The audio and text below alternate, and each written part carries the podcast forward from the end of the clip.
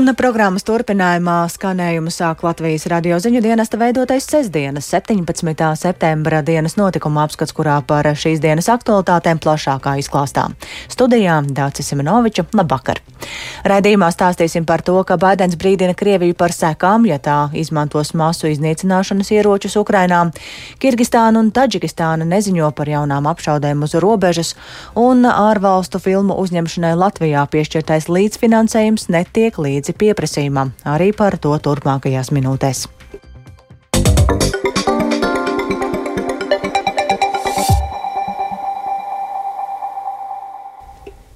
Karš Ukrainā turpinās 208 dienu. Tikmēr starptautiskā sabiedrība nosoda Krievijas armijas zvērības, ko tā ir pastrādājusi izjumas pilsētā.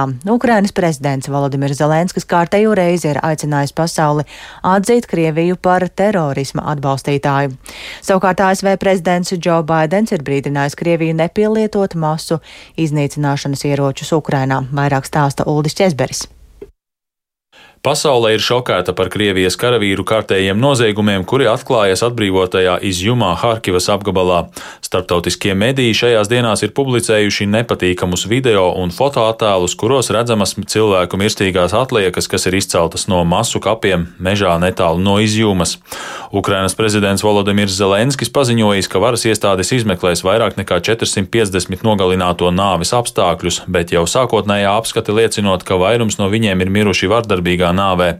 Turklāt esot pierādījumi, ka krievu karavīri, kuru pozīcijas atradās netālu no masu apbedījumiem, izklaides pēc šāvuši uz cilvēkiem. Svīt,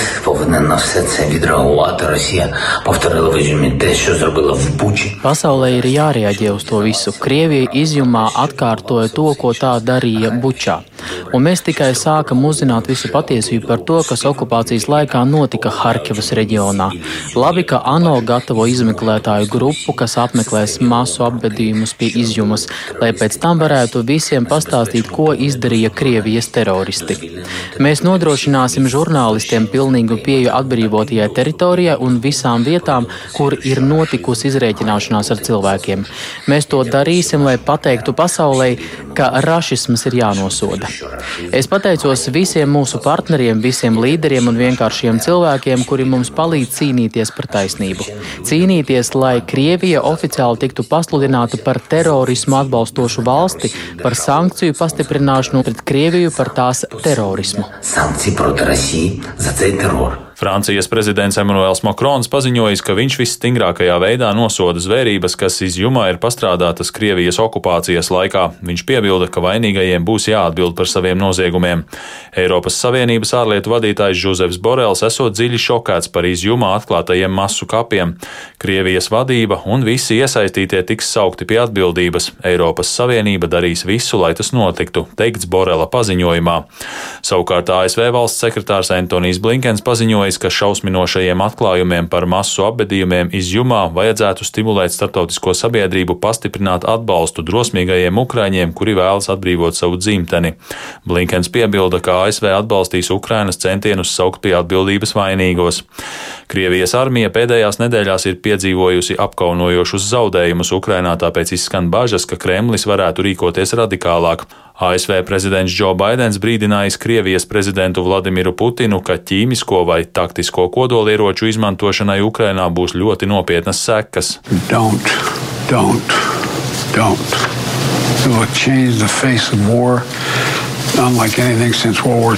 Nedariet! Nedariet!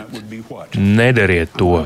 Šāda rīcība izmainīs kara seju kā nekas kopš otrā pasaules kara. Protams, es neatklāšu, kāda būs mūsu atbilde, bet viņu rīcībai būs sekas. Krievija kļūs par vēl lielāku atstumto nekā jebkad agrāk, un mūsu atbilde būs atkarīga no tā, ko viņi darīs. ASV aizsardzības izlūkošanas aģentūras direktors Skots Berjērs ir paziņojis, ka Putins būs spiests mainīt kara Ukrainā mērķus, jo militārie zaudējumi un resursu trūkums apliecina Krievijas nespēju sasniegt Kremļa sākotnējos plānus. Kremļa sākotnējais mērķis bija trīs dienu laikā iekarot Kīvu un iecelt Maskavai pakalpīgu valdību, bet pēc iebrucēju patriekšanas no Kīvas apgabala Putins paziņoja, ka visa uzmanība tiks veltīta Donbasa iekarošanai. Taču pusgadu pēc iebrukuma neviens no mērķiem nav īstenots īstenots. Berjērs prāto, ka Putinam tuvākajā laikā ir jāpieņem lēmums par to, kādi būs Krievijas tālākie mērķi Ukrainā. Pagaidām nevarot pateikt, kādu lēmumu Kremļa saimnieks pieņems, bet no tā būšot atkarīgs, cik ilgi karš vēl ritēs. Uldis Česberis, Latvijas radio. Kirgistāna un Taģikistāna informē, ka aizvadītajā naktī uz abu valstu robežas bruņotu incidentu nebija. Abas Centrālā Azijas valstis vakar vienojās par pamieru pēc tam, kad izcēlās nāvējošas apšaudes starp abu valstu bruņotajiem spēkiem. Kirgistānai un Taģikistānai ir ilgstoši robežstrīdi, un par to turpina Uldis Česberis. Vakar no rīta notikušajās bruņotajās sadursmēs uz abu valstu robežas nogalināti 24 cilvēki, no kuriem vairums ir militāra personas, paziņojusi Kirgistānas veselības ministrija. Vēl 121 cilvēks ir guvis ievainojumus. Taģikistāna neatklāja zaudējumus savā robežas pusē. Abas valstis regulāri apsūdz viena otru robežas apšaudīšanā. Iemesli konfliktiem ir Kirgistānas un Taģikistānas neatrisinātie robežu jautājumi. No 972 km garās robežas līdz šim ir panākta vienošanās par aptuveni 600 km gariem robežas posmiem.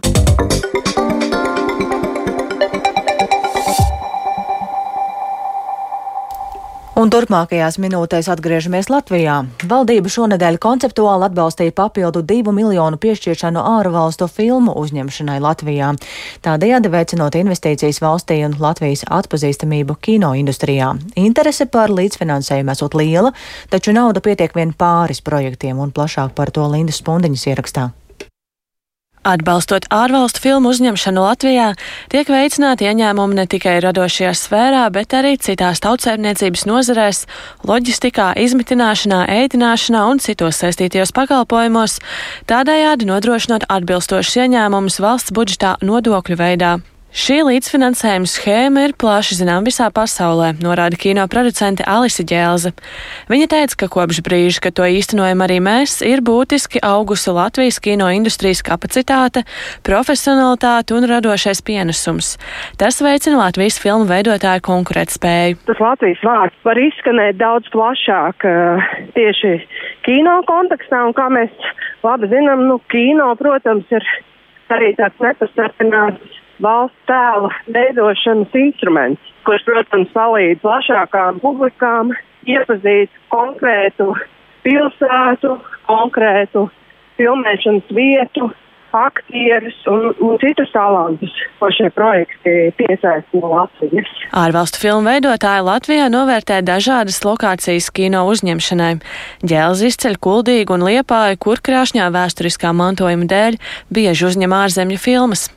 Un interese par Latvijas līdzfinansējumu filmu uzņemšanai pēdējos gados ir augusi, kam līdzfinansējums netiek līdzi. Mēs redzam pēc pēdējiem gadiem, ka principā tiek rezervēts šis līdzfinansējums viss pilnībā.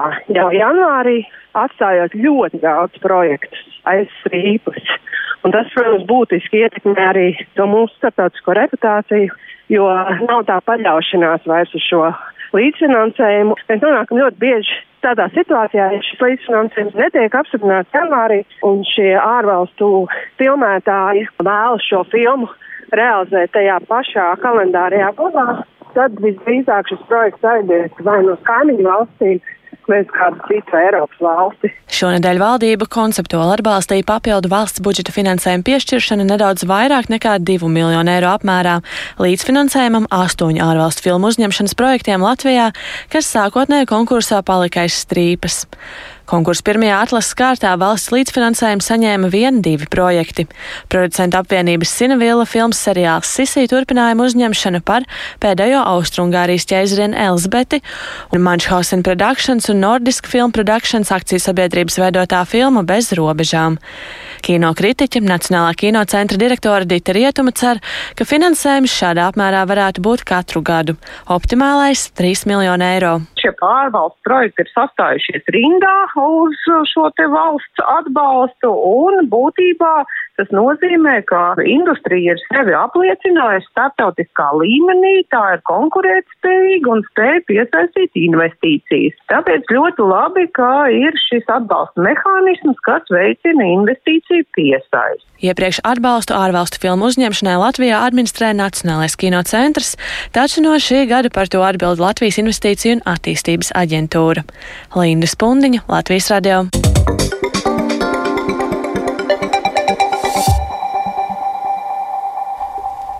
Turpmākajās minūtēs, kas atvēlētas sportam, šoreiz pievērsīsimies basketbolam. Saldū šobrīd ir sākusies bijušā Latvijas vīru basketbola izlases kapteiņa Jāņa Blūma karjeras noslēdzošā spēle. Laukumā ir solījuši doties tādi basketbolā zināmi personāži kā Andris Biedriņš, Kaspars Kambala, Armāns Šķēle, Kristaps Valters, Žānis Pēneris un citi. Saldus sporta kompleksā arī šobrīd atrodas mans kolēģis Mārtiņš Kļavinieks. Sveiks, Mārtiņ! Sveika, Dārts, un sveicināt arī Latvijas radio pirmā kanāla klausītāju šeit no Spaldus sporta kompleksa. Kāda tad ir atmosfēra Saldus hallē un vai spēle jau rit pilnā sparā? Spēle tūliņ, tūliņ sāksies.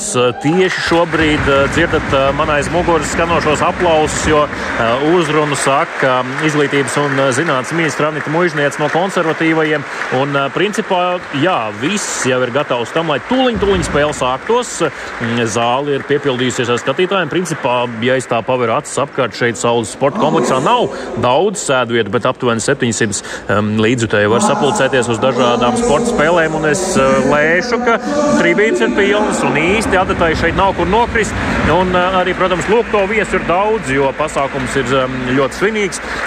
Kad ierados šeit ap četriem, tas ir apmēram pirms divām, vairāk nekā divām stundām, tad Jānis Blūms katru atbraucēju sagaidīja rokas spiedienu un vismaz basketbola halles foijē pie griestiem bija piekārti krēkli, kuros viņš ir spēlējis dažādās komandās, gan Latvijā, gan ārvalstīs, arī basketbola bumbas. Un, nu, šobrīd, jā, tā tad spēle jau tuvojas tūliņ, tūliņ savam sākumam, bet pagaidām vēl tā nav sākusies. Ir notikusi oficiālā spēles dalībnieku izsaukšana laukumā, Karsai meiteņu pavadībā. Nu, jā, jāatgādina, ka formāts ir konkrēts, ka mm, basketbola klubs Saldus, tātad vietējā komanda, kura šeit spēlē katru dienu, sacensties pret Jāņa Blūma draugiem un, un labiem paziņām vēl no basketbola karjeras laikiem. Protams, pats Jānis Blūms arī dosies laukumā nenoliedzami, bet šeit ir arī tādi zinām vārdi kā Kristaps Valters, saspēles vadītājs, tāpat arī Andris Biedriņš, Marko Baničs, Horvāts un, protams, arī vēl Renalds Seibūts, Lietuvietis, arī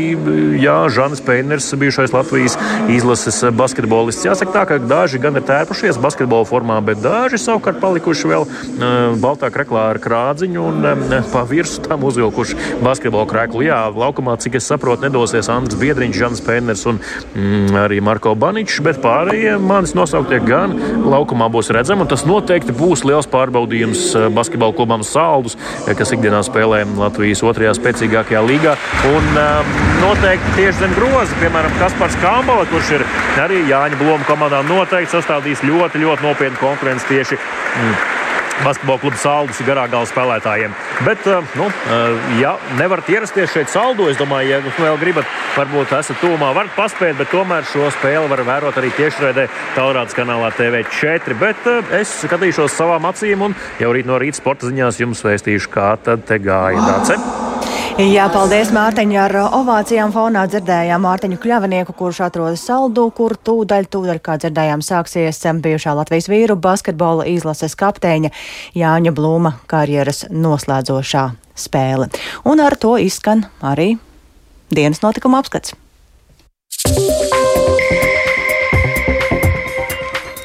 Radījuma producēja Viktors Pupiks, ierakstus montēja Renāša Steimanis, par labskaņu rūpējās Katrīna Bramberga, ar jums sarunājās Dācis Semenoviča un vēl īsi par svarīgāko. Baidens brīdina Krieviju par sekām, ja tā izmantos masu iznīcināšanas ieročus Ukrainā. Kirgistāna un Taģikistāna neziņo par jaunām apšaudēm uz robežas. Ārvalstu filmu uzņemšanai Latvijā piešķirtais līdzfinansējums netiek līdzi pieprasījumam. Un mūsu ziņām, kā ierasts, var sekot līdzi arī Latvijas radio viens Facebook lapā, tāpat arī sabiedrisko mediju ziņu portālā LSMLV. Radījuma atkārtojums ir meklējams raidierakstu platformā kā dienas ziņas un ir pieejama arī Latvijas radio mobilā lietotne, lai varētu mūs klausīties savā vietā runī jebkurā laikā un jebkurā vietā.